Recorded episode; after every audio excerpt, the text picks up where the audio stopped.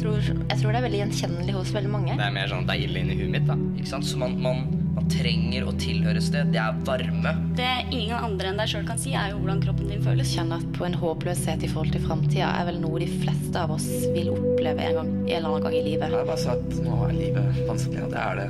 Det er nå. Dette er Hverdagssyken. Podkasten der Marius og jeg sammen med gjester fra hele landet tar for oss mental helse i hverdagen og de tabubelagte temaene der ute. Velkommen. Skal bare gjøre seg ferdig. Si fra, du. Ring oss, da.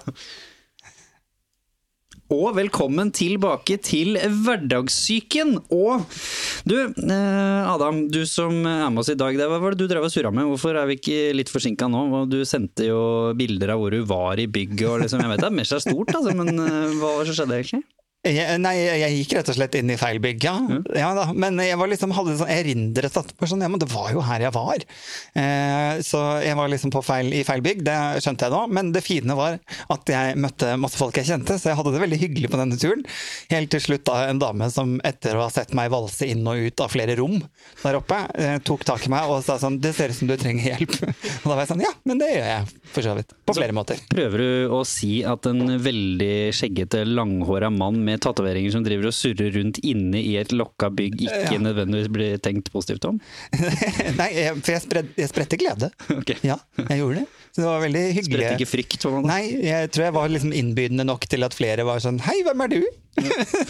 så det var hyggelig. Det var da de kom på at de, hadde, de egentlig trodde de visste hvem du var. Ja, sikkert. de Men det var, hyggelig, å- det var hyggelig å møte mennesker igjen, så jeg skravler jo med alle, jeg. Nei, ja. Ja, det setter vi pris på at du kommer og skravler med også. Og i dag så skal vi jo snakke litt om hvordan man på en god måte på en måte håndterer god måte på en måte, håndterer koronautfordringen i form av sosial isolasjon. Både fra folk man er glad i, og hvordan man skal klare å holde kontakt med de, og ikke minst hvordan man rett og slett håndterer det å få livet snudd på huet, i, i form av både jobb og karriere også. Og for å få til det, så har vi med oss en lokal ekspert på digital kommunikasjon med familie. Det er uh, sjølvaste Ernest, som er eh, jeg håper å si en av lederne våre, unge lederne, og har eh, bodd aleine siden du var 16 og lært bestemora di Skype. Så du har virkelig fagbrev i digital kommunikasjon med familie. Så du er jo med på første gang. Så hvordan var liksom opptrappinga inn mot podkasten? Fikk du sove i natt? Var du stressa? Nei, var, det var utrolig skummelt. Eh, aldri gå med på noe sånt hvis du blir spurt. Eh, veldig, veldig, veldig redd hele natta. Eh, ellers så snakka jeg mye med bestemor. Eh, nei, mer for å hjelpe henne med Zoom, så, så det var eh, Det var ikke mye, mye annet enn det, altså. Var, eh, Så nå kan din bestemor Zoom også? ja, hun, hun, hun er den eldste foreleseren på, på universitetet. Ja, Eh, Hun er snart 80. ikke sant? Men uh, hun er den eneste som brukte iPad på Zoom og kunne skrive på sånn, uh, sånn uh, interaktiv tavle. Så, så elevene syntes det, var, syntes det var kult. De var imponert. Og jeg, eh, etter uh, utallige mange timer, så er jeg veldig glad på hennes vegne. Ja. Kan kan jeg bare spørre, hvor, lenge, hvor lang tid snakket du med bestemor i går slash i natt? Eh, det har vel vært eh, ganske mange timer, ikke bare i går slash i natt, men Ja. generelt eh, de siste ukene. Ja. Så det, jeg tror det er jeg kunne, Jeg ser- hatt, jeg- men- kunne blitt fulltidsansatt hos bestemor, for å si det sånn. Ja, jeg ser også, må si liksom, når jeg møter deg sånn sittende her, jeg vil tro du har, din bestemor er ganske ung. Eh, Ja, altså Hun er 78, Ikke sant? så jeg vet ikke hva du ser på som ung, men Nei da, nei, hun er jo godt voksen. Det er hun jo.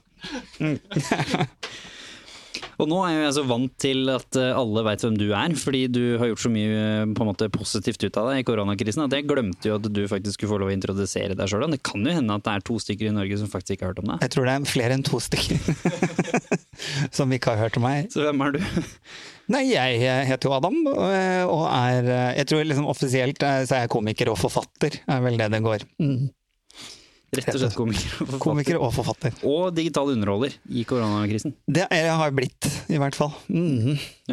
Og blitt eh, Du fikk jo faktisk sertifikat i ridning av kjepphest i løpet av Nå, ja, kjepphest, det var sånn ny glede som kom inn i livet. Jeg, ja. Han bare Hva snakker dere om? Ja, nei, jeg, jeg har ikke det. Jeg har har ridd på kjepphest i to videoer på internett. Det er det. Har, det er ikke noe jeg driver med. Jeg kommer ikke til å delta i noe NM. Alle sammen, slutt å tagge meg i sånne NM-linker eh, rundt omkring på sånne stevner, for jeg skal ikke delta noe mer i det. Men det er ganske gøy. Det jeg har oppdaget nå, er at jeg kunne tenkt meg å ha hatt eh, sparkesykkel med hestehode på, eller type noe sånt noe, sånn elektronisk sparkesykkel med hestehode. Det hadde jo vært litt gøy. Da Du snakker om NM. eh, NM i skjegg. Det er du god på. Ja. ja, eh, jeg har jo aldri deltatt i NM i skjegg eh, selv, men jeg har eh, ledet det mange ganger. Eh, For jeg har jo mye skjegg eh, i, i ansiktet. Det har jo kommet dit av seg selv. Det er jo mange som spør åssen jeg har fått det til, men eh, det er genetisk. Jeg har ikke sådd noe, på en måte, for å ende opp med stort skjegg. Men jeg er veldig glad i skjegg. For meg har liksom skjegg vært eh, i og med at jeg har såpass kraftig skjeggvekst, da, så det, er- er lettere for meg å ha skjegg enn å drive og barbere meg hele tiden. Hvis jeg skal være barbert, så må jeg liksom kanskje to ganger om dagen barbere meg, for jeg får jo skjegg i løpet av en dag. Så, eh, så for meg er det lettere å bare ha skjegg. Eh, og så var det en litt sånn gøy Det var ganske interessant, men det der å spare til litt lengde på skjegget, så tenkte jeg sånn Fikk jeg en sånn aha-opplevelse på at vi er jo altså Det er jo egentlig det å barbere skjegget som er det unaturlige. Absolutt. Jeg er jo født med dette skjegget, så jeg kan jo, det er jo egentlig det mest naturlige å ha. Da. Eh, Så det var litt sånn deilig å bare la det gro. Kjenne litt på alfahannen. Få lov til å meske seg og bre seg utover. Nei, absolutt. Det, er jo, det ser bra ut, tenker jeg. Jo, Altså, du, du tar jo vare på det, men det er jo nesten mer jobb å ta vare på det nå enn Nei da, jeg gjør egentlig ikke så mye med det, skjønner du. Nei. Jeg våkner stort sett opp sånn her. det er det man sier om håret sitt. Det var sånn jeg våkna. Det er faktisk det, for skjegget. Ja. Ja. Ja, som du ser på andre sida her, så skjeggvekst det, det har vi ikke verken NM eller fagbrev eller noe som helst i. Ingen av oss, tror jeg. Kanskje junior på flanken litt mindre enn meg, da, heldigvis. Men eh, så ved siden av han så føler jeg meg jo som reine på en måte NM-mester i skjegg. Ja. Det er jeg jo ikke. Men hvor gammel er du? Jeg, jeg er eh, 19 år. Ikke sant, da er det helt lov Er det, er det lov, eh, å ikke ha så mye skjegg. Det er verre med Jimmy. Her er det ingen unnskyldning. Det som er litt morsomt, så min skjegghistorie var at jeg så ut sånn som RNS, som, som for sånn sett ikke er plaget med skjeggvekst, hvis vi skal si det på en pen måte. Sånn var jeg også. Jeg så ut som en uh, 13-åring fra Pakistan, som uh, da ofte har litt mer skjeggvekst enn uh, det jeg har. Og hadde sånne tilfeldig spredte ballehår, som jeg pleier å si, unnskyld uttrykket, i ansiktet. Som på en måte bare hadde dukket opp. Og sånn var det helt fram til jeg dro til Afghanistan. Og der bestemte jeg meg for for første gang i mitt liv, for jeg syntes det så så jævlig ut, så det var derfor jeg aldri lot det gro. Mhm. tenkte jeg nå skal jeg bare la det gro, fordi her er det jo sosial status å ha skjegg. Mm.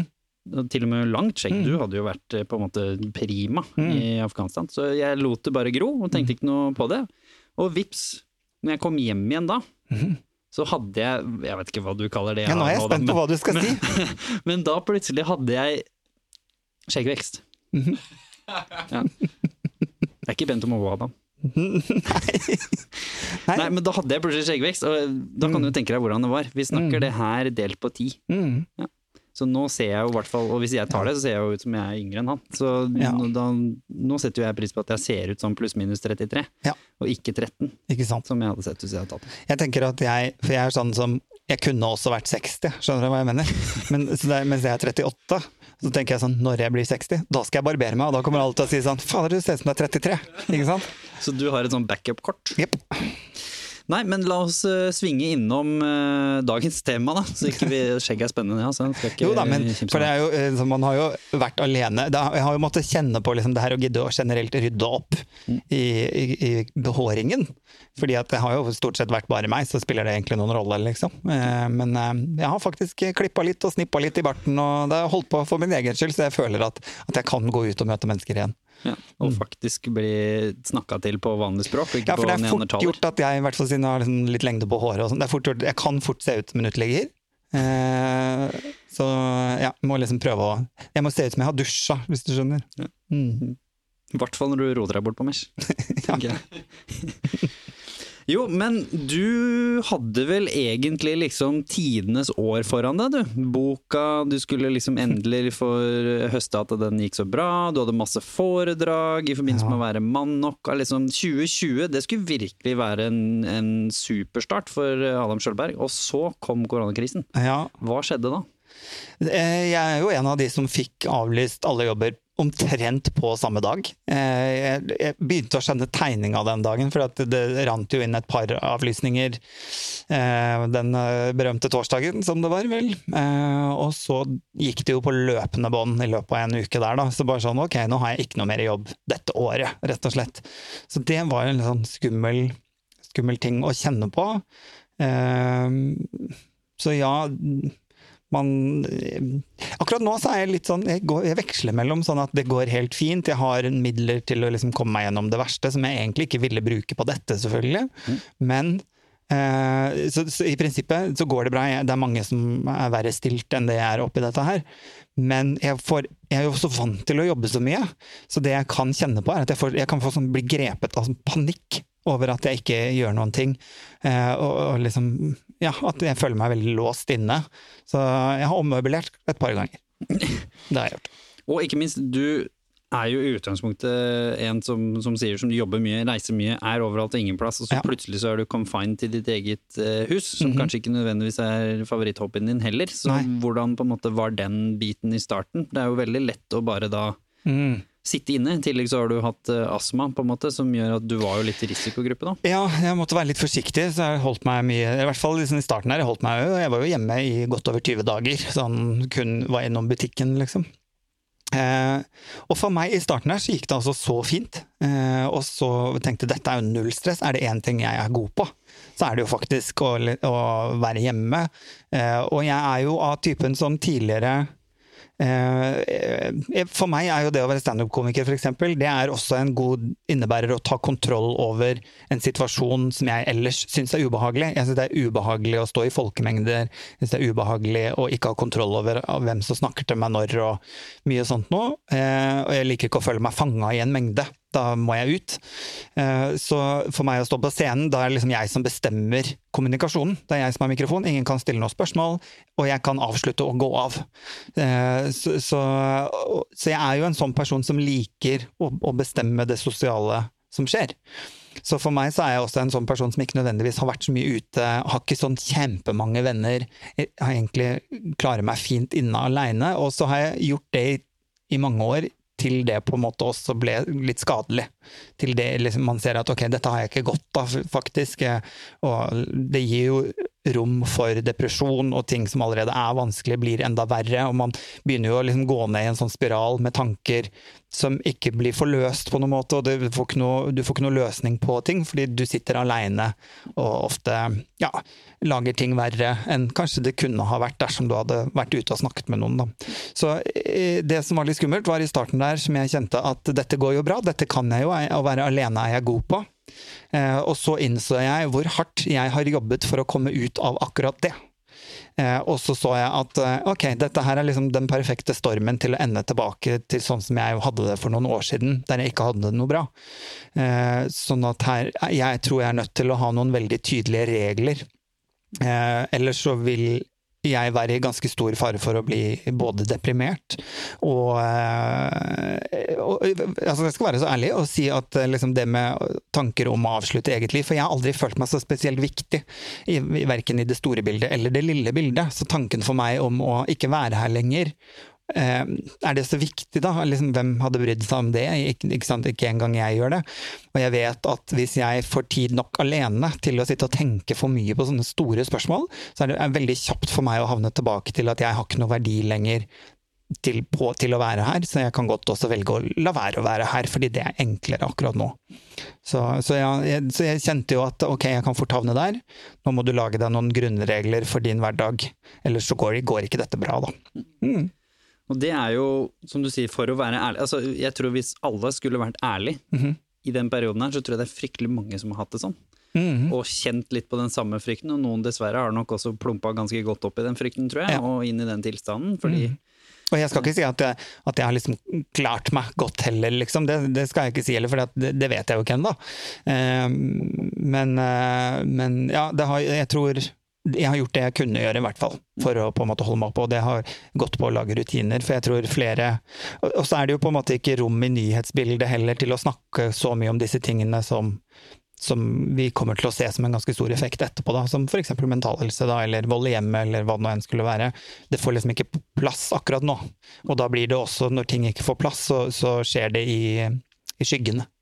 Og det er jo enda skumlere. Og det har jo vært flere som har raised litt røde flagg. Både mm. oss og selvfølgelig psykiske instanser, Mental Helse, ja. Psykisk råd for helse. Det er jo en hel haug som har eh, rista i flaggene, og kanskje spesielt rundt vold i hjemmet. Mm. Og spesielt barn, som på en måte sånn sett mm. Du kan jo ta tak og legge regler. Ja. Er du åtte år og bor hjemme med en mm. voldelig far eller mor, så er det litt mer utfordrende, selvfølgelig.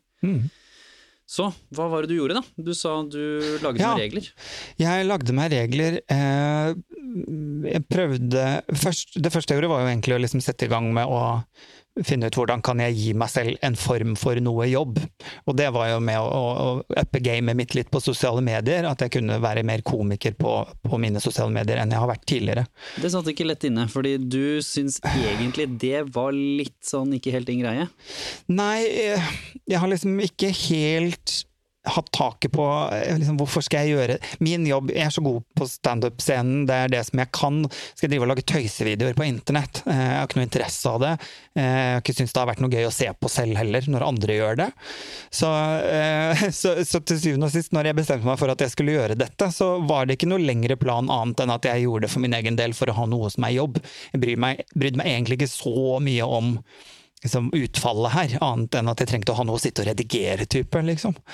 Uh, så det var det ene jeg begynte med, uten å tenke på hva som hva kunne komme ut av det. Og så var det jo selvfølgelig det å stå opp og dusje uh, og spise frokost til et fast tidspunkt. Liksom det, det, ja, men liksom kom deg opp til liksom, sånn at du kan spise noe ca. klokka ni. Jeg er jo glad i å sove, men men vær oppe og spis klokka ni, liksom. Og så og, eh, legg noen avtaler i løpet av uka, sånn at jeg hadde noen gåturer med forskjellige folk. Sånn at jeg hadde noe jeg skulle i løpet av uka, og det at jeg hadde litt rutiner i hverdagen. Spesielt måltider, da, liksom bare fordi det ga noe, da. At spis klokka da og da og sånn. Og så legg litt opp til det, for det ga en, en form av at jeg skulle noe i fremtiden. Så det, det hjalp litt, da. Og selvfølgelig da som jeg omtrent fra det liksom jeg posta den første videoen, så tok jo det litt av. Eh, og da ble det jo plutselig litt sånn gøy, for jeg så jo da også muligheten til å eh, fortsette å være synlig selv om jeg ikke hadde jobb, sånn at jeg eventuelt faktisk også kunne ha en jobb når dette var over. At jeg kunne holde meg synlig eh, på sosiale medier. Så da ble det jo plutselig veldig gøy, og jeg så at dette kan jeg jo bruke til noe. for jeg tror det dummeste for meg hadde jo vært å lagt meg ned for telling og sagt liksom da var det over, nå er det slutt, jeg skal aldri Jeg må finne meg en ny jobb. Men hvordan kan jeg gjøre, fortsette å gjøre jobben min, ble jo en løsning. Mm. Og ikke minst så må man jo prøve å ta litt aktivt kontakt, da. Du snakker om at du liksom tar turer, men du hadde jo en litt annen historie, kan ikke du fortelle? Det var jo ikke korona som gjorde at du plutselig måtte bli eh, dyktig på digital kommunikasjon. Det var jo en annen situasjon. Så hva var det som gjorde for deg, Ørnest, at du plutselig måtte begynne å være kreativ til hvordan du skulle holde sosial kontakt med familien din? Mm. Uh, jeg kom jo fra Latvia, flytta til Norge i 2009. Og uh, vi flytta, altså jeg flytta jo med familien til Norge og bestemødre og bestefedre ble selvfølgelig i Latvia. Så det var jo der det starta med å lære opp bestemor i Skype. Hvordan Skype 101. hvordan kunne kunne holde kontakt med familien og, eh, og oss. Eh, og så, og så, gikk det litt sånn Det, det gikk jo greit, men, men, jeg var jo her med familien og var jo en liten kid. Så de årene gikk forbi, og så var, jeg, var det plutselig 2018, tror jeg. 17 at uh, foreldrene mine valgte å ta veien tilbake til Latvia. Uh, de Pappa Vi flytta jo hit fordi at pappa skulle på en måte utvide sin business, eller det var jo under finanskrisen, ja. uh, da vi flytta fra Latvia. Og da flytta jo selvfølgelig mamma og lillebror med, mm. så da ble jeg her med storesøster. Og det var, det var vel da det virkelig begynte, disse, disse WhatsApp-samtalene og Skype-samtalene. For, for da skulle jo plutselig mamma også ringe eh, over WhatsApp, ikke bare bestemor. Eh, Så jeg, var, jeg tror det var da jeg innså hvor eh, Jeg innså både fordelene og ulempene ved, ved å ha avstands... eh, Hvordan skal man si? Ikke avstandsforhold, men Jo, jo, avstandsrelasjon Ja, da, ja, så vidt. Ja. med familie, liksom. Ja. Hva mener du negativt? Ja, altså Ikke sant, for det, det positive er jo selvfølgelig altså, Det er jo Ja. koselig å se dem igjen. Ja. Eh, men, men så er det på en måte det at jeg har kanskje litt mindre behov for eh, for å prate timevis med mamma. Enn det mamma har for å prate med deg. Enn det mamma har til å prate med meg. Ja. Eh, jeg syns det er kjempekoselig, for all del. Men altså, når det, er, når det blir én time hver dag, eller Ja. to timer, så, så blir det kanskje litt mye. Ja. Um, så det var, der, um, det var der jeg skjønte at her kan det bli noen utfordringer. Og så er jo liksom det store spennende spørsmålet, da, fordi det er jo det mange har kjent på nå. at Man har begynt å kjenne på ensomheten. Altså den psykiske utfordringen med det å være fysisk alene, som dukket opp nå i korona. Ikke nødvendigvis psykisk alene, men du har vært fysisk alene. Så hvordan var det for, for deg, når da kanskje spesielt lillebroren din, som du hadde veldig tett forhold med, men også mamma og pappa, flytta fysisk såpass langt unna at du ikke bare kan svinge innom, liksom, på middag? Ja, og jeg, jeg tror det var der jeg man, jeg, jeg tror ikke man innser til vanlig altså da, da vi bodde med familien, så var det sånn Da kom du hjem fra skolen, og så sa du hei, og så gikk du egentlig til rommet. og Det var, det var på en måte Det var ikke mye mer kontakt enn det. Men, men jeg tror det var da jeg innså at hvor, hvor viktig den kontakten er. Uh, hvor viktig Altså, når man ikke har den fysiske kontakten, hvor viktig den derre psykiske kontakten er. Hvor, altså, det å bare prate sammen. Uh, så, og, og spesielt, altså Igjen, kan prate lenge og, og mye om, eh, om hvordan det, altså det med mamma og pappa og bestemor, men, men jeg tror det var enda viktigere med lillebror. Mm. For der ser du jo plutselig ikke hvordan han vokser opp lenger, altså Mm. til daglig. Ja. Um, Og spesielt barn, så må man jo på en måte ha jevn kontakt for å, å ha en viss relasjon, eller Ja. eh, åpenhet, da, kanskje nærhet, som man har ellers, hvis man, hvis man bor sammen, f.eks. Ja. Jeg kjente litt på eh, når, det, måte, når vi skulle være inne nå og ikke møte så mange, da kjente jeg sånn fy søren, nå for første gang på veldig lenge, så savner jeg litt å bo i kollektiv. Fordi at, ja, men, for det var jo noe med å bo i kollektiv, eller om du bodde hjemme med familie. Altså, du var jo sosial når du kom hjem fordi det bodde flere der. Ja. Ikke sant? Sånn at, mens når man bor alene eller blir tvunget alene, så blir jo det å være sosial blir et aktivt valg. ja. Ikke sant? Og så kan jeg jo da velge eller la være å, å gjøre det. Um, og det er jo da det på en måte blir litt skummelt når du ikke bare er sosial og tar det for gitt å være sosial. Det tror jeg vi alle har på en måte kjenner litt på nå, da. Ja, ja. Mhm. Og, og jeg, tror, jeg tror det er det, det du sier med, med å ha faste rutiner.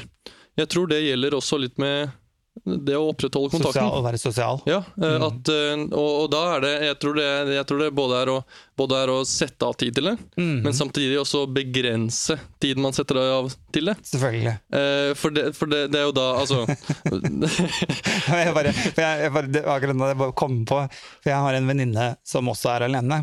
Og det vi har gjort noen kvelder, det er at vi har plassert liksom Mac-en vår litt sånn høyt i rommet Ja. på Skype, og så bare hatt det på. Og så har vi på en måte og så egentlig ikke nødvendigvis sitter foran og snakka, men bare så det Plutselig går hun forbi, eller står hun på kjøkkenet og lager noe mat på, sant, i bildet. Og jeg, altså, problemet er når du plutselig glemmer at det står på. så liksom, Oi, det har stått på i mange timer nå, liksom. Men eh, da har man jo allikevel liksom, Det hyggelige med det har jo vært at, at det føles ut som det er noen i rommet, og, og du kan si noe hvis du har noe å si, eller vi så en film sammen, på en måte. Det har vært veldig hyggelig, det altså. Men ja. Eh, man, trenger, man må jo være litt sånn bevisst på det. Som du sier, begrense det òg, kanskje. For det har jo vært noen litt sånn artige råd her også. Katrin som eh, var på forrige episode, hun snakket jo om at de gikk tur og ringte noen. Og at man gikk to fysiske forskjellige steder, men man gikk sammen og prata Ja, sammen. hadde det på, ja. Mm. For å liksom ha noen å snakke med også. Og Det er jo det som er litt uh, spennende utfordringer i det også. Og så må man jo passe på å begrense i form av at man må jo opprettholde Ja. vanlig liv. Ja. Det er jo sånn at det er jo ikke alle som mista jobben. Så, og noen som kanskje mistet jobben, måtte jo da bruke tid på å finne en ny. Mhm. Og så videre. Så hvis du da bare snakker med mamma, selv om det, mamma og bestemor er hyggelig det, men Ja det er ikke der du får jobb eh, alltid, da. Men jeg merker jo at liksom når det kommer til familie, jeg har nok Jeg, har liksom, jeg tror jeg gjør det oftere nå enn jeg gjorde før. Jeg ringer, vi ringes oftere, det, det, det gjør vi absolutt. Enn vi, enn vi har gjort tidligere. Da, bare for å, og selv om jeg ikke har noe å si, så bare liksom ring for å Hei, hva gjør du? Skulle bare sjekke innom, da, bare for å, å gi en følelse av mer Vi er jo ganske altså, er, er vi ikke flokkdyr, egentlig? Altså, vi trenger på en måte trenger å, å vite at jeg ikke er alene, da, men at det, det er noe der. Hvis jeg trenger det også. Ikke nødvendigvis bare når jeg trenger det, men jeg trenger å vite at det er der hvis jeg skulle det. Ja, det ser man jo på eh, veldig mange studier, selvfølgelig, fra folk som har sittet i isolat i fengsel, hvor man ser eh, veldig store skader, rett og slett, på hjernen. Altså fysiske skader, rett og slett, fordi man ikke har hatt Ja. sosial interaksjon. Men selvfølgelig den største skaden er jo den Ja. ensomheten som du snakket om eh, i stad, og som eh, tror vi alle tre på podkasten her i hvert fall har Ja, kjent på. og så er det noe med, sånn som du sier, Ernest eh, altså En ting er jo, du har jo hatt det sånn lenge som du sier, at du på en måte har hatt kontakt med, med familie og sånn, men det er jo Jeg tror jo allikevel at du, du har jo hatt omgangskrets her, som du også har vært fysisk med, ikke sant? Fysisk sammen med. Eh, hvis du hadde kutta ut det òg, i tillegg til liksom familien, og faktisk fysisk siden fra du var 16, omtrent være aleine, det, det hadde nok ikke vært så bra, eller vært så greit, da. For jeg må jo si at det er lenge siden jeg Og jeg anser, har i hvert fall i mange år alltid tenkt at liksom, jeg er ikke nødvendigvis en klemmer, liksom, men det er jo rart hvor mye man savner å klemme på folk. Ja, det, Og bare savner liksom nærhet. Hæ? ja, kjente og ukjente. Nå, Ja ja. Altså, jeg har lyst til å klemme alle, jeg. Nå, altså, mer enn sånn ja, noensinne før, da. Så det er rart hvor liksom Og prøvd å plassere hvorfor Hvorfor har jeg så behov for det? Og liksom mer enn før, kanskje? Eller, eh, eller er det mer enn før, eller er det bare nå fordi jeg vet at jeg ikke får, kan? At jeg ikke får lov? Men eh. Jeg har blitt påminnet om en del viktige og uviktige ting også. Jeg kom eh, nettopp fra en samtale med, som jeg for så vidt har nevnt uh, før i podkasten her også, en veldig nære bekjent av uh, Det er jo ikke bekjent, en nære venn av Ja. familien, som er som familie, som er i ferd med å, å dø av Mm. kreft. Jeg besøkte henne på um, kreftsykehuset på Ullevål nå, Mm. og hun har liksom en sånn unik åpenhet, fordi hun vet hun skal dø. Så nå Ja. er hun veldig sånn at vi kan snakke om ting som man burde bli minna på for å ikke glemme det, for det er for Mm. seint. Og nå har vi jo fått en litt sånn tvangspåminnelse av korona, som Mm. å lære å sette pris på ting. Som Ja. for eksempel da en klem. Ja. Som fleste av oss egentlig Du går jo ikke rundt og tenker på det i hverdagen til vanlig, at det er noe du savner. Og ikke minst sosial omgang. Du tenker på hvem i livet du kanskje savner, både fysisk og psykisk. Og som du sier, Ernest, at du plutselig liksom savner som en litt sånn trass tenåring å gå inn og si hei mamma, hei pappa, og så gå rett opp på rommet ditt, og så ser du jo ikke foreldra dine før det er middag. Nei, Men plutselig så savner du en så banal liten ting som det, da, fordi du, det blir tatt fra deg. Mm. Og da skjønner du litt at eh, det er masse i livet som du burde vært Ja. takknemlige for. Og så er det også skummelt å kjenne på at eh, sånn som jeg har vært litt sånn, å ja, nei men eh, det går jo bra, jeg savner jo ikke egentlig det, på en måte, fordi det er et sånn gammelt spor for meg, da, å være så alene, da. Eh, og, eh, og jeg har jo, nå som jeg først begynte liksom aktivt valg, være sosial eh, igjen, så kjenner jeg jo en sånn fysisk ting på meg, er at med en gang jeg møter noen nå, så blir jeg så hes. Uh, og det også, jeg blir så hes, fordi at jeg, og da innser jeg at liksom, okay, for meg nå som bor alene og er singel, så kan det gå opp til fire dager uten at jeg snakker med noen. At jeg er alene hjemme. Så når jeg nå møter noen og snakker med noen, så bare jeg, jeg sier fire setninger, og så har jeg nesten mista stemmen. Fordi at den er sånn å ja, jeg kan jo snakke med noen, liksom. Eh, og da er det sånn fin påminnelse for meg da, at liksom, ok, det her sporet er ikke noe bra. Det, jeg har ikke noe godt av dette her, da. Og da må jeg prøve å i hvert fall legge opp litt rutiner med å ringe noen daglig, for eksempel. Da. Ja, fordi hva er det du har kjent nå, da? Hvor, eh, når du liksom var bitte litt på vei ned i det hølet, hva er de positive tingene du kjenner på nå som er bedre etter at du tok de aktive valgene om å være sosial? Eh, Sånn helt enkelt så er jo det rett og slett at man er jo mer oppe enn nede i tankene sine. For det er noe med settingen man lager rundt seg og som gir rom for, eller grobunn for eh, depresjon, eller grobunn for å på en måte synes at ting er vanskelig og vondt, kontra det det sosiale omgangen gjør med oss, er jo at man på en måte fokuserer på andre ting, hyggeligere ting. Man har det hyggelig, og når man har det litt hyggelig, så er det jo lettere å, å, å, å bli i det. At, at dette er eh, fint, jeg har det bra. Så, um, så, så det er jo akkurat det, da, at man på en måte eh, blir lettere til sinns av å være sosial, da. Mm. Og dette, nå høres jo du ut som en av verdens eh, klokeste mennesker, men det er jo fordi du har erfaring og har vært nedi det før. Mens du Ernest, du har Du har null erfaring. erfaring fordi du er 19. Du har vel fascinerende mye erfaring til å være 19, men du som er i ungdomsmiljøet, du har jo selvfølgelig venner og kjente som, som er unge. Hvordan føler du liksom det her har blitt håndtert av de unge? Hva er det du har sett der ute på sosiale medier, venner, i samtaler, om hvordan de har blitt påvirket av eh, koronakrisen, og spesielt den sosiale nedstengelsen av liksom skolen, da. Det er jo hovedsosialarenaen til alle. Hva er det du har sett? Jeg tror de møtes og snakker mye om eh, at folk over 30 nå er på TikTok.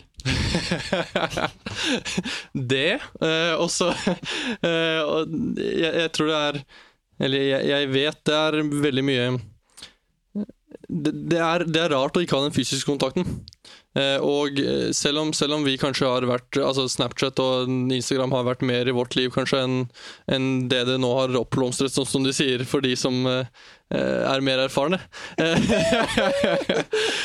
Så eh, Tok du age-shama Adam og meg nå? Hæ? Var det Lite grann. Så Det er greit. Takk. takk Adam.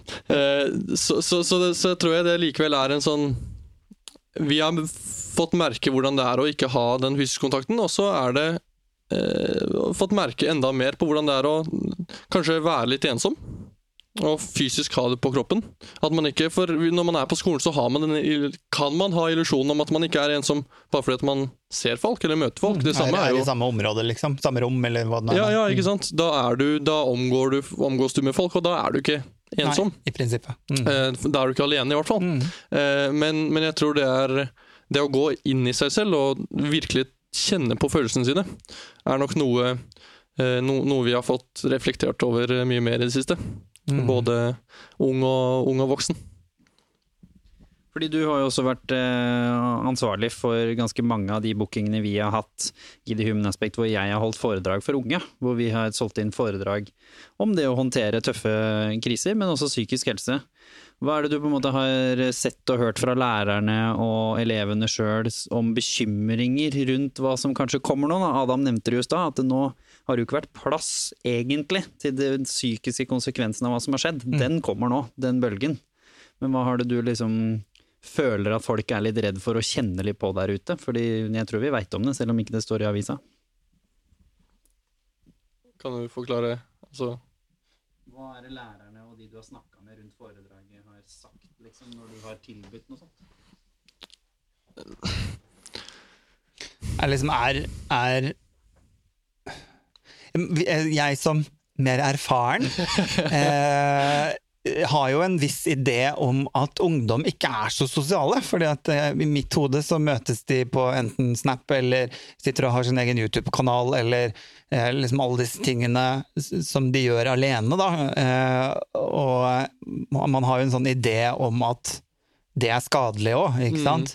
Eh, og så plutselig nå som det blir liksom tvunget til å være alene oppi det hele, så tenker man sånn ja ja, men det er vel all ungdom i utgangspunktet. Men er det i, i, sånn, Dere som reiser rundt og holder foredrag, er det, tror du det er mer ensomhet enn det var før? Altså, har, det, har, det, har det vært noe endring? Merker ungdom noe endring? I forhold til det å være mer ensomhet før og etter, liksom? Fordi i utgangspunktet så tenker man jo at dere er ensomme. Nå skal jeg svare selv om jeg ikke er ungdom. Ja. Nei, altså det, det vi har sett og som ble veldig klokt sagt, eh, ikke av meg, så jeg skal stjele det av noen, det er jo det at alle de tøffe følelsene man hadde før, Ja. som var undergravd, som du snakker om, om det å leve oppe og nede i tankene sine, så det som var nede i tankene til veldig mange ungdom, og som av skolen og alt som skjer, og presset og tempo og ting du ser frem til og bakover, Ja. har jo ikke vært oppe i hodet. Og så plutselig så er det liksom bang, sosiale arenaen din tatt fra deg på ett sekund. Mhm. Plutselig så blir du confined med ditt eget hjem, og så er det jo alle de hundre tinga med det. Hvor bor du, hvem har du relasjon med, er det hyggelig hjemme, er det ikke hyggelig? Men det er kanskje da den, de yngre verre. heldigere stilt fordi de er vant til å være sosiale i andre formater enn det vi er? Nei, jeg tror faktisk det er motsatt. Fordi vi er vant til å Men nå, det kan ikke du svare på, fordi du er ikke ungdom. Jeg tror faktisk vi klarer oss bedre fordi vi vet, da. Vi er jo transition-organisasjonen, og håper å si generasjonen. Så det vi har fått hørt av veldig mange, og så kan jo Ernest fylle på med erfaring fra seg sjøl, er jo at vi vet jo hvordan det var når vi i utgangspunktet sosialiserte på andre måter, Mhm. og hvor det ikke var så ofte at det skjedde. fordi vi hadde jo ikke noe Snapchat og Instagram og de Nei, million tinga, så det var jo de gangene kompisen din eller vennene dine kunne. Mm. Så vi er erfarne med det. Ja. Og vi kunne liksom eh, håndtere den biten der, da. Og selvfølgelig at man har vært nede i tankene sine før. Mens hvis du som dagens ungdom for første gang er ordentlig nede i kjelleren, Ja. i tankene dine, og ikke har vært borti det før, og ikke har noe erfaring med Mm. hvordan du drar deg opp igjen, da kan det se ganske mørkt ut foran deg. Når, og plutselig så blir liksom ting som russetiden verdens undergang. Selv om det antagelig ikke hadde vært det, hvis de ikke hadde hatt mm. alle de andre omstendighetene. Hvis du tok bort korona og bare sa sorry, russetida er avlyst i år fordi en eller annen dusteunnskyldning, så hadde det kanskje ikke vært så krise, for da hadde de sagt ja, men da tar vi russetida til sommeren, da. Mens nå er det litt sånn Alt er tatt fra meg. Skolen, vennene mine, alt. Og så skal dere fader meg ta fra meg russetida også. Og så reagerer man, og så sitter jo andre og ser på dem og tenker at dere er jo kjøtthuer, fordi liksom hva er det dere gnåler over russetida? Men det er ikke så rart at det betyr noe, når det er, det er jo sosiale arenaens eksempel, liksom, fysiske eksempel, på at nå har du avsluttet et kapittel i livet og begynner som voksen. Men hva tenker du om de er mer eller mindre ensomme, Ernest? Du er jo ung sjæl. Jeg tror, jeg, jeg tror det er veldig eh, avhengig av hvem du er. Eh, og jeg tror noen er mer vant, eller villig, til å være alene eller ensomme. Eh, Men, men det jeg ser med meg, og spesielt kanskje noen av mine nærmeste venner, er at den derre læreren som fortsatt altså, på å si, tar vare på deg. Kanskje upopulær mening, men, men altså, den læreren Eller det er jo ikke Altså, den læreren er utrolig viktig. Ja. Uh, og ikke på en, ikke på en nerdete eller skolemåte, egentlig, men mer sånn Den læreren tar vare på deg. Og når, når jeg som Når jeg som Rødt. Og når jeg, som, eh, når jeg som vanligvis får det spørsmålet går det bra med deg, Mm. eller hvordan går det egentlig med deg, fra læreren, ikke får det lenger, eller får det på Zoom, eh, så, er det, så er det litt tøffere for meg, og da blir jeg plutselig Da, da blir jeg bare ensom, da. Da er det ikke noen Og, og da mister jeg kanskje også den, den derre jeg, jeg føler ikke at læreren bryr seg, bryr seg lenger. Og i hvert fall hvis jeg ikke har noen hjemme som, som er der på den måten for meg, Mm. så, så er det jo ingen som bryr seg lenger. Ikke sant? Og hva, hva skal jeg å, gjøre da? trenger å bli sett og hørt litt, liksom. Ja, Mm. Rett og slett få litt oppmerksomhet. Mm. Jo, jo, men det er viktig. Eh, Og, og, og da tror jeg det er Da er det viktig å ta handlingen Altså bare gjøre det selv. Bare ringe noen, Mm. noen du stoler på eller har lyst til å prate med, og bare gjøre det hver dag. Mm. Og ikke ringe i to timer, for det, det har du ikke tid til. Eller vil du kanskje ikke. Da, da er det bare greit å se på litt Netflix, men, Mm. men bare ta den derre timinutterssamtalen. Tror jeg er skikkelig viktig. Mm. Så er det jo en annen bakdel med sosial interaksjon, digital sosial interaksjon. Det er gjort en del undersøkelser på det som på en måte heter lazy interaksjon. Da. En sånn enkel sånn Hvis du Du har jo snakket litt om det, sa Adam. Når du legger ut en, en dyp tekst da, om et eller annet, i forbindelse med boka f.eks., så la jo du ut en del tekster som du hadde lagt i Shelly, på sosiale medier. Og så er det jo gjerne et bilde. Og så kommer det en kommentar som Fy fader, du er kjekk, ass. Herlig fyr. Eller et eller annet. Altså, hvor det er tydelig at personen antagelig ikke har lest teksten. Og om de har lest teksten, kanskje egentlig ikke brydd seg så fælt. Og så tenker man litt sånn, når du sitter da og kjenner på det sjøl, og kjenner på de likesa, og du får litt dopamin og litt glede av det, men så veit du også at folk egentlig ikke brydde seg. Det var litt sånn lazy interaksjon.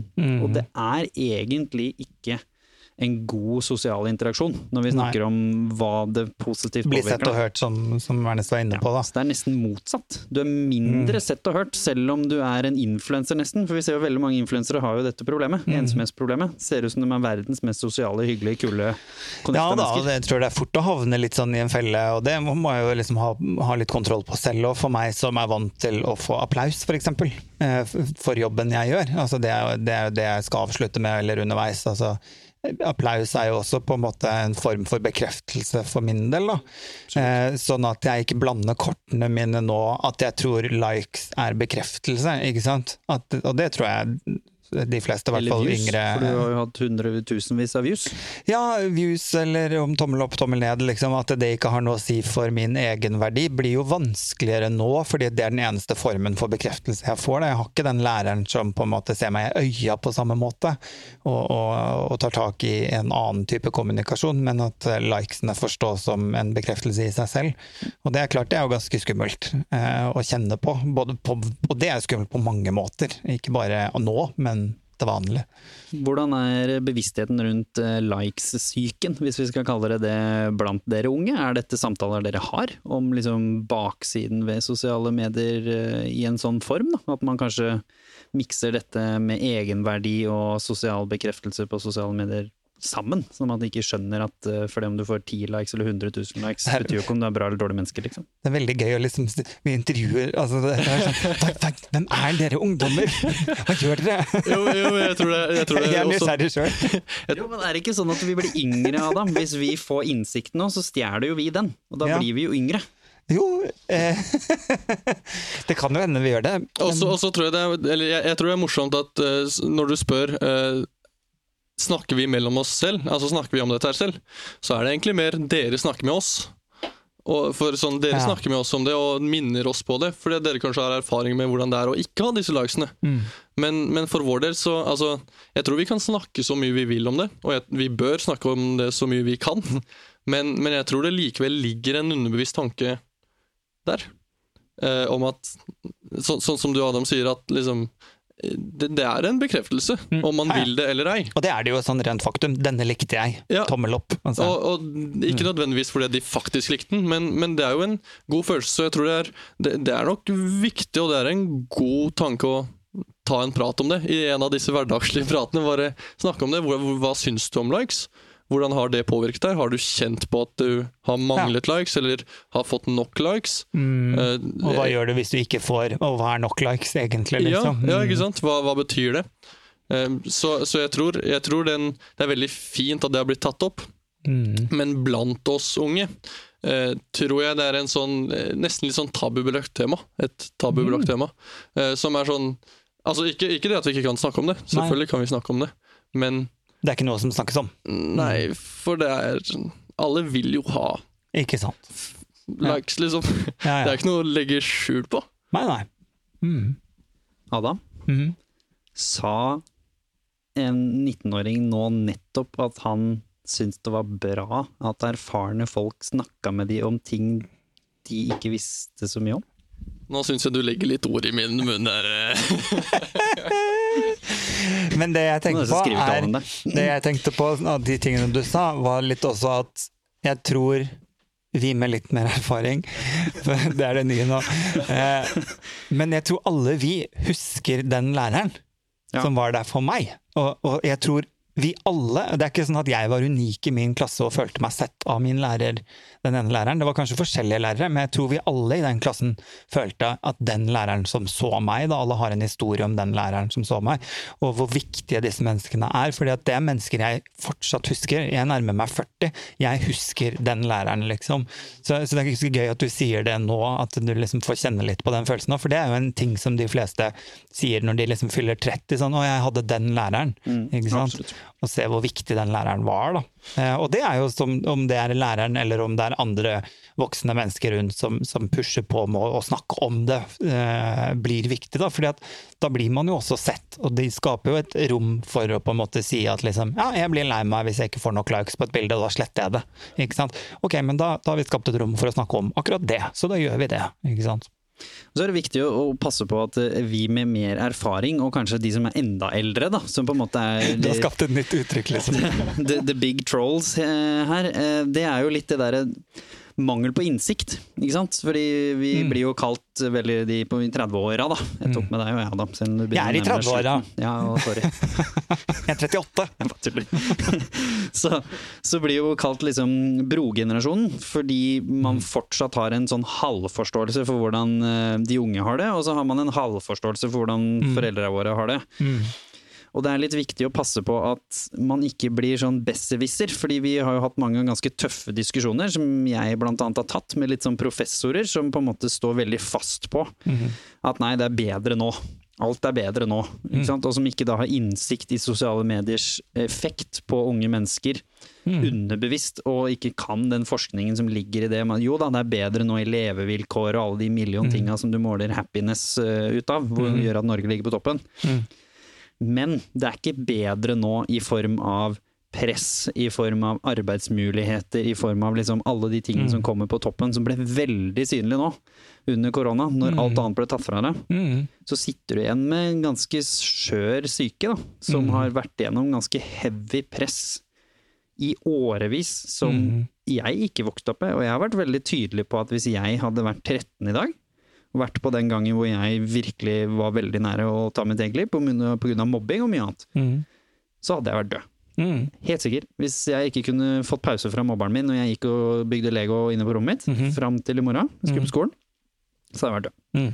Fordi den du kan ikke ta den pausen, og da har du den der kjøtthuelæreren eller foreldre, eller den som ikke veit, som sier da jo, men er det ikke bare å slette Instagram og Snapchat og TikTok, da? Mm. Da, da skjønner du ikke hva det handler om, sant? når du sier sånne ting. For gjør du det, blir du enda mer mobba. Hvis du kommer på skolen og ikke aner hva folk snakker om, når de snakker om da når Cardi B la ut den nye TikTok-videoen sin, eller liksom Nå prøver jeg kul her, men se, se Ørne sitter og smiler. Og Han bare hva er det du snakker om? Cardi B har ikke TikTok, brorsan.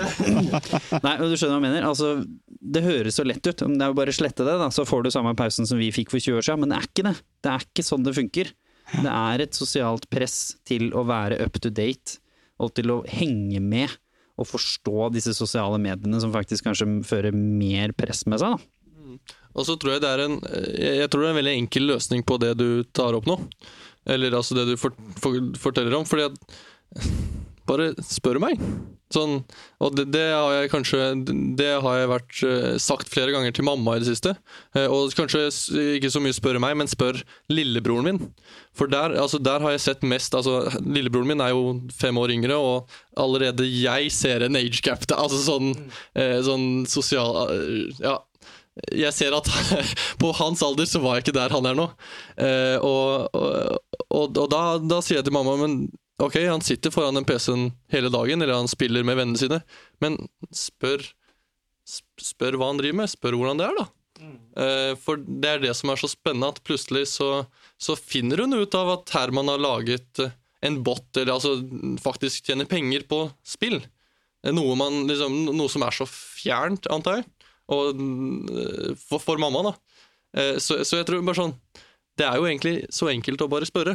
Mm. Det er jo som å spørre 'hvordan går det med deg'? Mm. På samme måte så er det bare å spørre 'hva er det du egentlig gjør'? Ja, hva driver du med? Mm. Ja, ikke bare sånn, ikke bare slutt å sitte på den PC-en eller slett Nei. Instagram, Mm. men Hva er det egentlig gjør? er det som skjer der? Sånn, jeg, jeg vil forstå, jeg, vil, jeg har lyst til å lære. Mm. Eller, ja.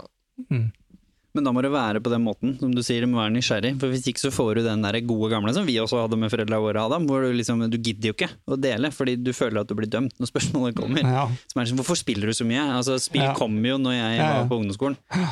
Jeg følte jo ikke at mamma var nysgjerrig for at hun skulle lære seg Gran Turismo, liksom. Det, jeg skjønte jo at det var fordi hun mente jeg spilte for mye. Ja.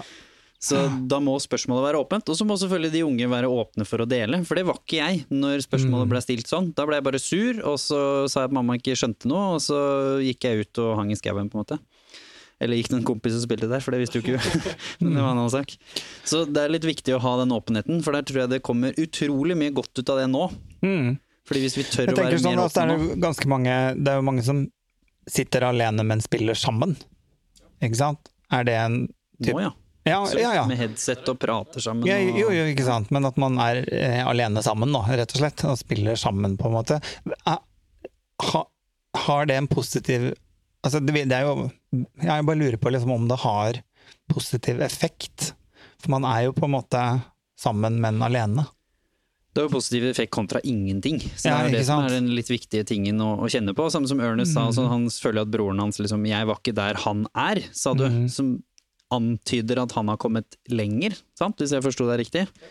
Og Det er også litt sånn viktig ting å skille mellom to ting. Mm. Kognitivt så har jo vi knapt utvikla oss på et par tusen år, altså mennesker. Det er ganske banalt. Så kognitivt sett, altså i hjernen, så er jo verken du eller lillebroren din eller jeg eller bestefar eller mora mi eller noen av oss lenger fram enn det de var bak oss.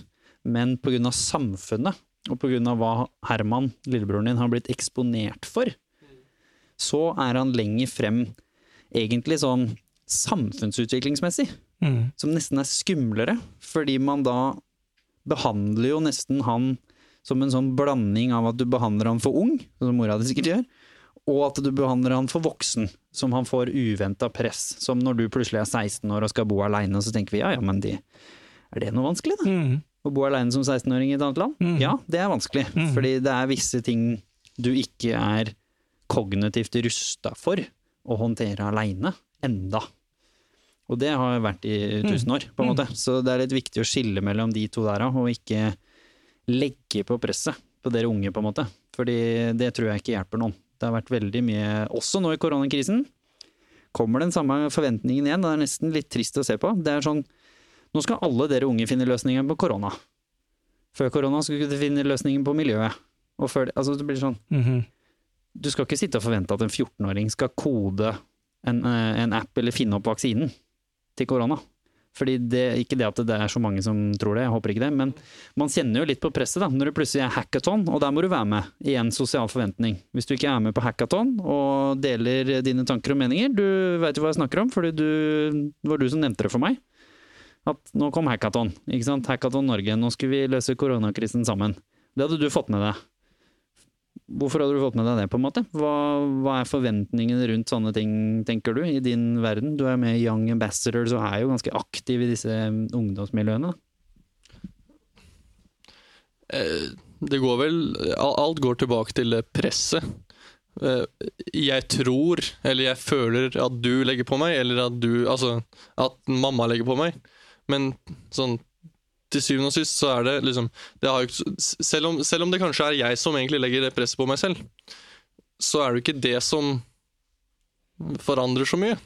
Nei. For det presset er der uansett. Og da er det jo Da er det for, for meg så er det kanskje bare å sette ord på det og begynne å tenke på det, men, men til, altså Det er jo viktig for meg å være med på den hackathon fordi at da, bli, altså det er jo, da er jeg sosial.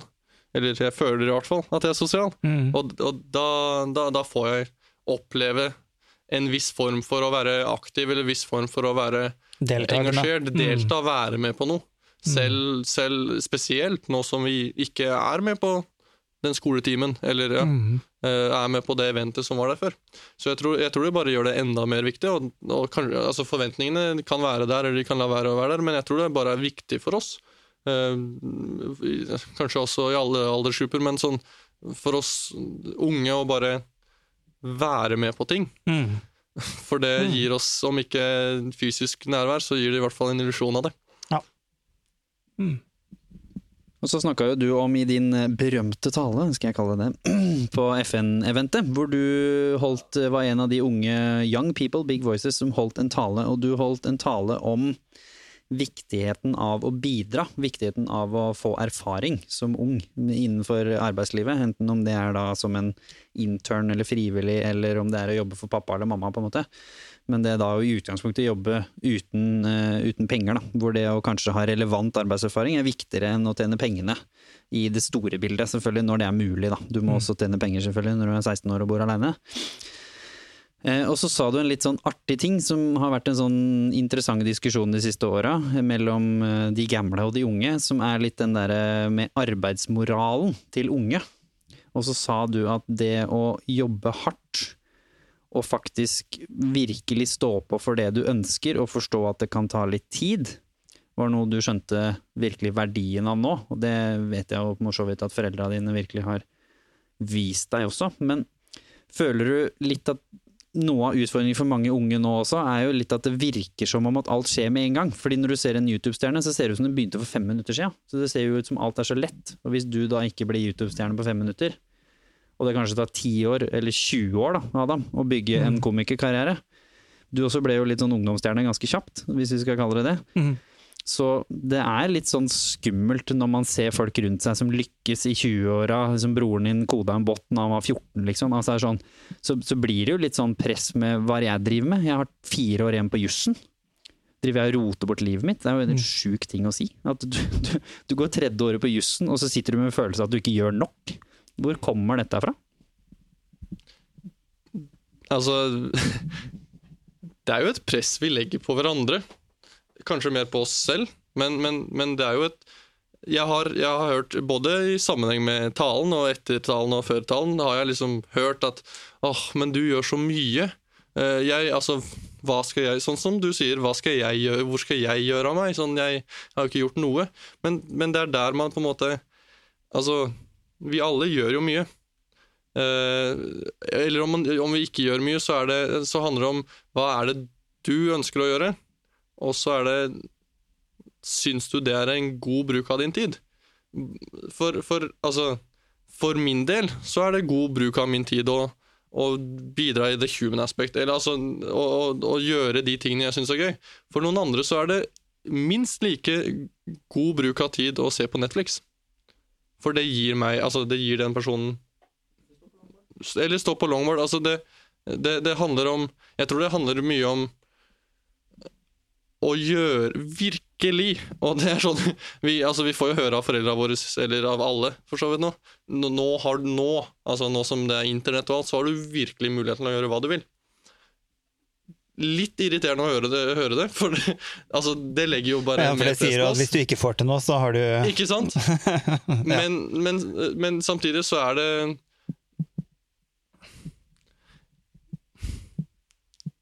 jeg, jeg, jeg, jeg tror jeg vil Jeg tror jeg vil si at Ja, du kan, du kan si noe først. Men jeg skal si noe. Ernest, det kommer til deg. Nei, men Det er jo det som jeg skulle si her også på slutten, for å liksom sy det litt sammen. Det er tross alt eh, jobben min som eh, programleder. Eh, sånn hvordan skal jeg klare å sy en skjegg eh, i slutten av samtalen her, Adam? Jeg vet ikke. Nå starta du litt skjevt. Nei da. Jo, men for å sy inn liksom hele greia. Noe korona har gitt alle sammen, tror jeg, som det har vært en litt sånn spennende prat om, er hva som er viktig for oss i livet. Og det ble ekstra påminna når vi snakker med mennesker som er i ferd med å, å dø, da. For da blir man jo veldig sånn blir litt lettere å snakke om det, da, kan du si. På en måte, for da blir det veldig tydelig for deg hva du angra på i livet, og hva du var fornøyd med. Mhm.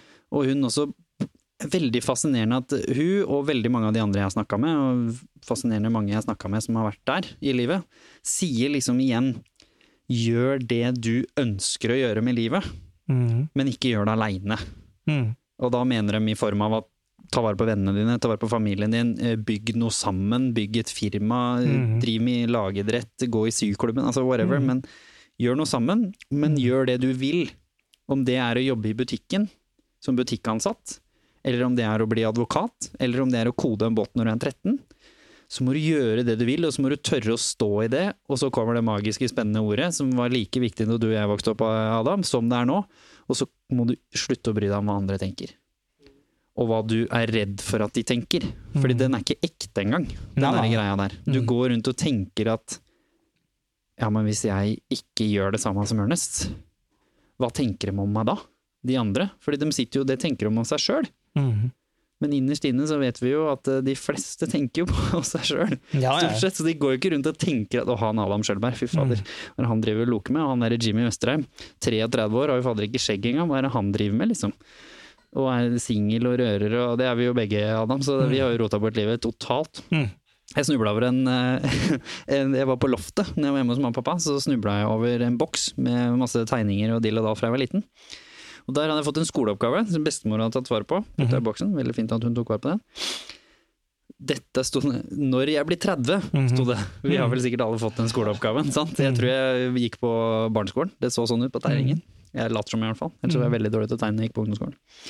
Og der, der sto det jo da hvor jeg skulle være. Nå sto det da at jeg jobba, eh, bodde i Trondheim. Det var der familien min opprinnelig er fra. Jeg spilte på Rosenborg. Ja. Jeg, altså, må jo legge lista der hvor den burde være. Sånn tenker jeg. Hadde kone. eh, Hadde til og med beskrevet bilen jeg skulle ha. Skulle ha en Ja. Jaguar XJ 220. For Flott. de som eh, vet om det. Eh, Kona skulle ha en BMW. Vet ikke hvorfor jeg har fått det fra, men Nei. det skulle, skulle kona ha. Ja. Eh, Og ikke minst, vi hadde to barn, sto det på den tegningen, tror jeg. Og så hadde jeg tegna huset vårt. Og en svær båt. Så jeg var vel glad jeg vokste opp ved havet, da. Så mm. båt skulle vi ha, tydeligvis. Og så hadde jeg en eller annen jobb som jeg ikke husker on top of my head nå, hvor jeg jobba i et eller annet firma da, og var fotballspiller ved sida. Det presset var jo der da òg. Jeg skulle både være fulltidsarbeid og Eller i hvert fall ideen om hva livet ditt skulle være, da. Ja, fra og nå var har jeg ingen av de. Nei. Det er jo suksess, tenker jeg. Der hvor jeg sitter, 33. Jeg har veldig mye annet, da, men jeg har ingen av de tinga jeg trodde jeg kom til å ha Nei. når jeg var kid. Og det er en ganske heavy lærdom i det. Som er litt det der at å stresse så voldsomt med hvordan livet ditt kommer til å se ut om ti år, det er det lite nyttig i. Og heller bruke mer tid på hva du har lyst til å gjøre nå. Og bruke tiden til å kanskje finne litt ut av hvem du er, da. Og hva du er god på. Og ikke være så redd for å ta et friår, for eksempel. Som, som du, har, du har gjort, selv om det er ikke noe friår. Har både gått på skole og jobba fullt. Men hoppe ut av tradisjonelle sporet, da. Og tørre å bruke tid på å finne deg sjøl. Og Adam, du var jo veldig ung når du, litt sånn med vilje selvfølgelig, men snubla litt inn i en suksesskarriere som gjorde at sti, hele stien din ble nesten litt lagt for deg. For nå var jo du komiker og hadde lykkes, så nå skal jo du bare gå rett fram, du nå. På en måte forventningen fra samfunnet. Eh, ja, men jeg tenker sånn også at i og med at jeg skjønte at jeg var homo da, ganske tidlig, så skjønte så, så gjør man seg også eh, vant med å ikke være lik de andre. Altså det blir på en måte det blir også på en måte hverdagen, at jeg ikke var lik noen. Eh, for, fordi jeg var annerledes i forhold til de menneskene som var rundt meg da. ikke sant? Eh, så det å på en måte føle seg annerledes-biten Når noen sier at jeg følte meg annerledes, så pleier jeg alltid å si sånn I forhold til hva? Fordi du kan ikke bare være annerledes, fordi alle var annerledes, skjønner du. ikke sant? Alle var annerledes, men du måtte være annerledes i forhold til noe for å være annerledes, da. Eh, og, og, så det å være annerledes i forhold til majoriteten rundt meg på barneskolen og ungdomsskolen, det, det var noe jeg var vant med fordi jeg var homo. Og så i voksen alder, eh, når man på en måte ender opp med en karriere eller bevisst valg, jeg ønsket å jobbe med underholdning, det var jo liksom noe jeg visste, så, eh, så må man jo også velge å stå i det å være annerledes fordi spesielt med underholdningsbransjen, jeg kommer ikke til å nå disse målene før, an, før, de andre som valgte vanlig jobb, de kommer til å nå disse hus og hjem og båt og bil. De målene kommer til å komme enklere for dem. Og det er ganske sånn vanskelig å minne seg selv på når du står der, da, fortsatt noen år etterpå, eh, og eh, føler at de andre har fått, er på liksom barn nummer tre og hus og, og, bil og båt, og så står jeg fortsatt liksom og, og, og prøver å finne drømmen og leve drømmen. Ikke sant? Hva var egentlig drømmen igjen? Nå må jeg minne meg selv på hva den drømmen var, for hvis ikke så ble jeg faktisk lei meg. Ikke sant? Og så var det jo også drømmen. Hva var den, da? Var den å drive med noe som jeg ikke kan leve uten, underholdning, eller, eller var drømmen suksessen? Ikke sant? Hva var det egentlig jeg ville? For hvis drømmen var suksessen i seg selv, så kan jeg liksom godt gjøre noe annet. Eh, og få suksess på det. Men hvis drømmen min er For jeg klarer ikke leve uten å stå på scenen og, og gjøre meg til. og være morsom, eller eh, drive med underholdning, da. Uh, uavhengig om jeg har suksess eller ikke. Så, så, kan jeg fint stå i det å være annerledes fortsatt, og, og, se at jeg ikke har på en måte det huset og den bilen og den båten. Det går helt fint, fordi at dette er det jeg ville gjøre, da. Det er det verdt, ikke sant. Hvordan, hvordan fant du ut av det? Hvordan fant du ut av hva du ville gjøre? Det, det, det kom litt det, det har vært flere ting som har minnet meg på det, rett og slett. Men jeg hadde også en periode der jeg så at jeg tjente så lite penger. At, at jeg heller tapte penger hver gang jeg satte opp et show eller dro på, lagde en turné eller noe sånt, nå, så endte jeg i minus.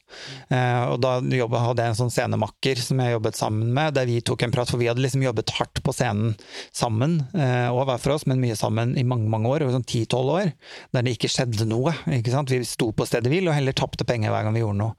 Og så hadde vi en prat om hvorvidt vi skal fortsette. Skal vi liksom gidde å sette opp noe mer? Skal vi dra og lage ny turné nå?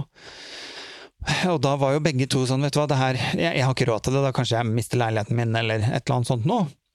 Eh, og da snakket vi om det at vi ikke ville gi opp, for da kom vi frem til at ok, men selv om jeg aldri skulle breake, så vil jeg fortsatt gjøre dette.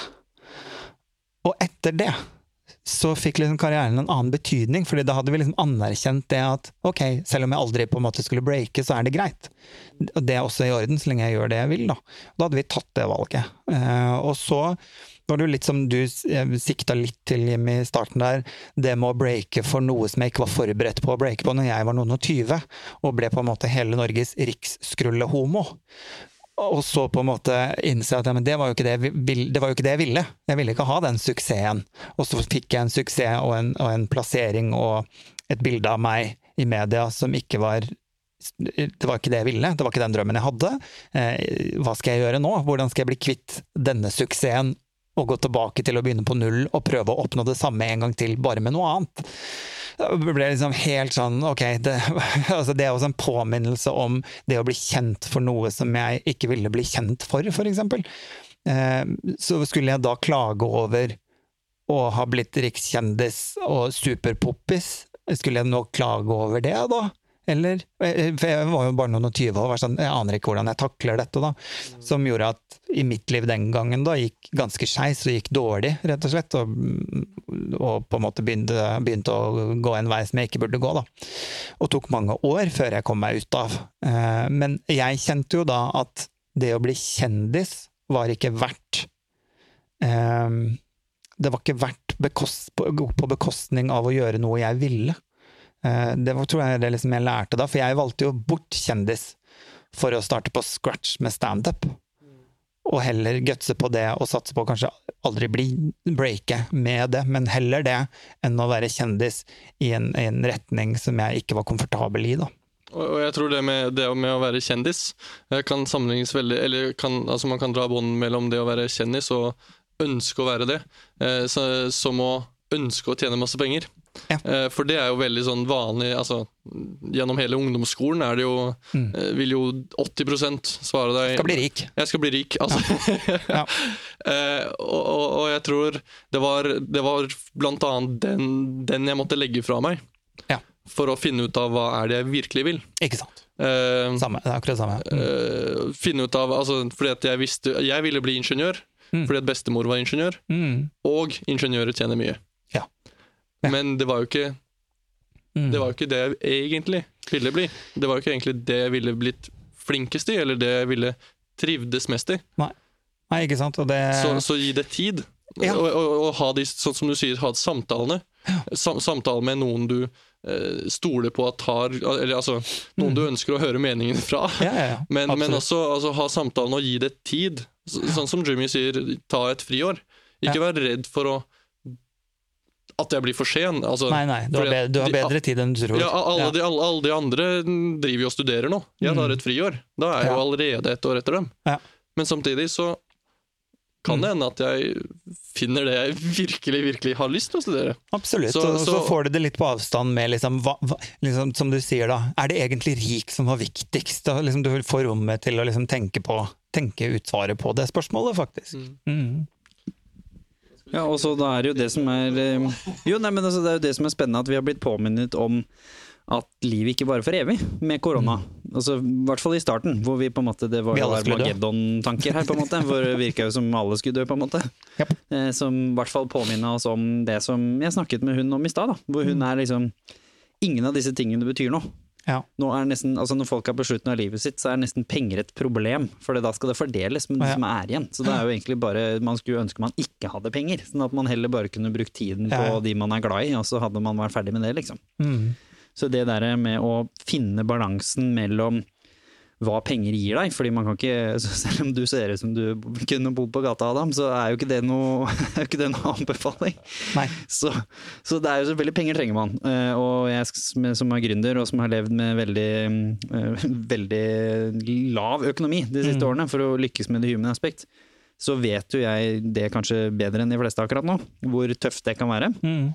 Så finne den kombinasjonen. Hvordan skal du oppnå drømmen din logisk sett? Og faktisk det er en karrierevei som du også tjener penger på, Ja. og ikke bare lever i en uh, naiv drømmeverden om at du tror du kan leve på luft og kjærlighet. Mm. Og det å faktisk huske at du skal jobbe potensielt, dere unge nå, i 60-70 år. Det er ikke snakk om at dere får lov til å pensjonere når dere er 67, det er bare å glemme. Dere kommer til antagelig til å ha pensjonsalder på 75 eller 80. Ikke sant? Og da er det rimelig greit at du er i en karriere hvor du faktisk, sånn som Adam, da, hvor de sier at liksom, ja ja, om vi make it or break it, det er liksom ikke det som er det viktige her. Det er at vi har det gøy. Og det er som jeg har sagt med The Human Aspect òg. Hvis det skulle gå skikkelig skeis, så vi ikke make it da, økonomisk, hvis vi kan ha det som en målestokk, vet du hva, det er fett samme. Fordi det jeg har lært, de menneskene jeg har møtt, de tingene jeg har stått overfor av utfordringer, og det jeg tar med meg, og hva vi har betydd for andre også, selvfølgelig, kan ingen ta fra oss. Det er fortsatt verdt det. Mm. Og da er det greit, da. Da var det riktig valg. Og da er det helt irrelevant for meg hva folk rundt meg bryr, altså mener om det. Og det er hele forskjellen fra da jeg var liten. Mm. For nå kunne ikke en mobber ha mobba meg om han hadde prøvd en gang. Nei, nei, på ingen For jeg hadde jo ikke brydd meg filla. Nei. Mens det gjorde jeg den gangen. For Nei. da var jo andres mening det viktigste i hele verden. Mm. På en måte. Og det er jo litt forskjellen. Og det er jo det du virkelig kjenner på da, når de som skal dø, de bryr seg i hvert fall ikke hva andre folk tenker tenker og mener om saken. Mm. Og det er en litt sånn fin påminnelse som korona har gitt oss, tenker jeg da. Så hvis vi nå da skal avslutte da med dere to, så skal, skal, si, skal dere få ha rap battle, men jeg skal spare Ernest for det. Men, det, det, lytterne hadde sikkert satt pris på det. jeg hang meg litt opp i at du sa liksom man kan ikke leve bare på luft og kjærlighet, men man har jo akkurat i den perioden her da, innsett hvor innmari viktig luft og kjærlighet var. da. Ja. Jo, nei, altså, men du trenger det òg. Men da må du finne balansen, tenker jeg. Men hvis dere to skal avslutte nå, da, med litt sånn refleksjoner rundt hvordan man skal kanskje ta med seg noe fra korona. Fordi i Norge ser det nå ut som sånn som en bank i bordet. Korona nå gir slipp, og blir snart en del av eh, historien i Norge. Hvis ikke den kommer tilbake igjen, det kan hende. Men, Ja, ja, det, man er vel forberedt på at det skal komme en bølge til. Ja. Men nå har vi i hvert fall vært igjen den, den første. og det var ikke Mm. så stor konsekvens annet enn det økonomiske shutdown. Så vi har vært heldige i forhold til veldig mange andre land. Mm. Men hva ville dere tatt med dere nå? Sånn at man ikke liksom går tilbake igjen og står her tilbake på null, og har glemt det vi har lært. Så skal jeg si hva jeg tar med meg. Ja. Og det er at eh, 100% er at jeg Dette her er jeg god på. Jeg er god på å brette opp ermene og starte på nytt. Forme karrieren min, selv om man skulle ende opp med å få suksess på det man gjør. Og liksom det der jeg kjenner på å liksom ha flyte litt på at, at suksess er suksess. Så kjenner jeg jeg har det fortsatt i meg. Det der å brette opp ermene, ikke legg deg ned for telling, men reis deg opp og ta deg sammen og jobb, liksom. Det har jeg kjent. Det kommer jeg til å ta med meg videre og kjenne litt sånn stolthet på. Og så kommer jeg til å kjenne på hvor viktig det var for meg å, å være, at det å være sosial har vært et aktivt valg. Eh, og så får man håpe at det aktive valget jeg nå har liksom tvunget meg selv til å gjøre sosialt hele veien, har faktisk da blitt en del av vanen jeg har bygd opp, og, og er også noe som jeg tar med meg videre uten at det skal føles ut som et aktivt valg lenger, men at det bare er sånn. Ja, det er akkurat det. Og, og det å snakke om det. På toppen av det, for det er jo det du har vært flink til også. Ja. Du har jo ikke liksom bare vært han stereotype mannen med skjegg som bare snakker om å brette opp armene og skjerpe deg, og ikke snakker om hvordan du har det. Stereotyp mann med skjegg. Julenissen er det. ja. Men det er det som har vært så fint med deg, da, og som jeg vil på en måte slenge på en ekstra skryt til deg, er at eh, du har fått det samtidig som du har turt å snakke om det. Hvordan du har hatt det underveis, og det har vært en del av din løsning. Ja. Ikke den der stereotypet liksom nå skal du eh, grave ned alle følelsene og bare dure på videre, fordi det smeller jo i veggen, det vet jo du fra før. Ja. Så den flotte kombinasjonen der, da, tenker jeg har vært eh, ekstra fint å se på når man har fulgt deg fra siden. Ernest, hva har du mm, lært som du tenker kan være fint for de som hører på å bli påminna om, nå som vi går inn i den biten hvor kanskje psykisk helse kommer tøft på oss, da? Spesielt tror jeg jeg har lært uh, hvor mye andre egentlig bryr seg om meg. Og hvor mye andre bryr seg om deg, da. Uh, det er, og, og også slippe dem til, i så fall. Eh, for for eh, det har jo vært Jeg har Ja. Det er lov å restarte, ikke sant? Ja. Skal jeg få sette strukturer samme, det. Vi kjører på. Jeg, jeg tror det vi, Nå begynte jeg å skrike. Jeg, jeg tror det viktigste har vært å skjønne hvor mye andre bryr seg om meg og deg. Mm. skjønne hvor viktig det er for andre med den kontakten. For meg, hvor viktig det er for meg med den kontakten, og for, hvor viktig det er for andre med den kontakten. Og dermed slippe dem til. Altså Mm. ta opp telefonen når mamma ringer, eller ta opp telefonen når vennen din ringer. Fordi at mest sannsynlig så er det Det er ikke så viktig det de skal snakke om. Nei. Det er veldig, veldig viktig at de skal snakke med deg. Ja. Bare fordi at de trenger noen å snakke med. Og jeg, og du trenger kanskje Jeg trenger kanskje noen å snakke med underbevisst. Mm. Så det viktigste er rett og slett å være åpen til sosiale settinger, selv når, når jeg ikke Mm. føler for det, kanskje. Mm. Bare fordi at helt enig med deg, det faktisk. kan være så lavterskel Lavterskel Det kan være så lite som skal til. Ja. Og det, jeg, jeg, jeg trenger ikke å sette noe sånn som du sa helt i begynnelsen, at du bare setter på Skype, og så bare farter du rundt huset. Det er helt greit. Så lenge da- du har på deg buksa. Så lenge du har på deg buksa, med mindre det er kjæresten. Sant. Ja. så, så jeg tror det viktigste er å bare, bare hoppe med hodet, hoppe Jeg med likte det du sa, ja, med liksom lavterskel, altså sosialt lavterskeltilbud, omtrent. Altså, treng, jo, men jeg, liker, jeg likte det, ja, fordi at det liksom, du må ikke si noe viktig selv om man skal ringe. Man kan også ringe bare for å ringe. Ja. Og det har vi sett nå har blitt, hvor viktig det har blitt, bare fordi det har vært viktig for meg, i hvert fall. Ja. Og, og, og ha, om det så bare var det, fordi at veien min til noe annet er litt kortere. ikke sant? Så det å ha litt rutine, selv om jeg ikke hadde noe å si, så, så vær, vær sosial, da. Ja. Sett hvor viktig det har vært. Ja. Mm, og kjent på det. For sånn var det jo faktisk i gamle dager. Da hadde vi jo samtaler som ikke nødvendigvis var så viktig, fordi vi hadde jo ikke nødvendigvis så fryktelig mye annet å holde på med. Mens i dag så er det jo sånn at du må jo aktivt ta et valg hele tiden for å reach out med hverandre. På sosiale medier eller fysisk, og nå som vi ble isolert, så må du jo ringe. Mm. Og da ble plutselig sånn terskelen, jo men hvorfor skal jeg ringe Ernest, vi har jo ikke noe å snakke om. Så det tør jeg jo ikke. Mm. Men tør det, tenker jeg da. Og liksom, du har jo hele tiden noe bedre, anførselstegn bedre å gjøre. Mm. Jeg har jo alltid Skype, nei, jeg jeg har alltid YouTube der, jeg har alltid Netflix der, jeg har alltid, alltid noe å gjøre. Mm. Så det å bare faktisk skjønne at, hvor viktig det er, Mm. bare la det gå inn og la, altså, trykke på den grønne, grønne knappen og svare på den telefonsamtalen, Yep. selv om man ikke har Mm. så lyst til å prioritere det. Skikkelig, skikkelig viktig. Dagens gode gjerning, rett og slett. Ta telefonen når den ringer, men også ta ansvar for å ringe Ja. noen andre. Bare gå igjennom. Jeg hadde jo en sånn liten runde her i korona hvor jeg bevisst gikk gjennom telefonlista mi og begynte å ringe folk. Oi. Bare sånn, for en, både en utfordring for meg selv, for det er litt sketsjy å ringe folk du ikke har snakka med på lenge. Det er litt sånn der eh, terskel, sant? hvor du hvor ikke godt kjenner du dem egentlig, har vi vokst fra hverandre og alle de duste Ja. som kommer. Så bare det å gjøre det, og ikke minst eh, tørre å ta telefonen, som eh, Ernest sier. Og selvfølgelig samles på å gå tur, da. Jeg har jo blitt god på å gå tur. Du og jeg, Adam, vi har jo snart uh, utforska hele Oslo. Ja, Hvor er neste rute, egentlig? det vet ikke jeg. Begynner du å kjenne litt på at det er slitsomt å kjenne en som har ADHD nå? Nei, men absolutt ikke.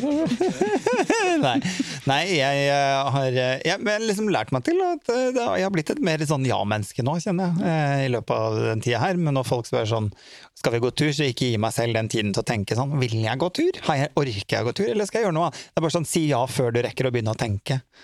Så ja, det, det har vært positivt, faktisk. Det er godt å høre. Eh, Tusen hjertelig takk for at dere kom, begge to. Dette har jo vært en eh, herlig samtale som eh, både forventet og, og til slutt blei.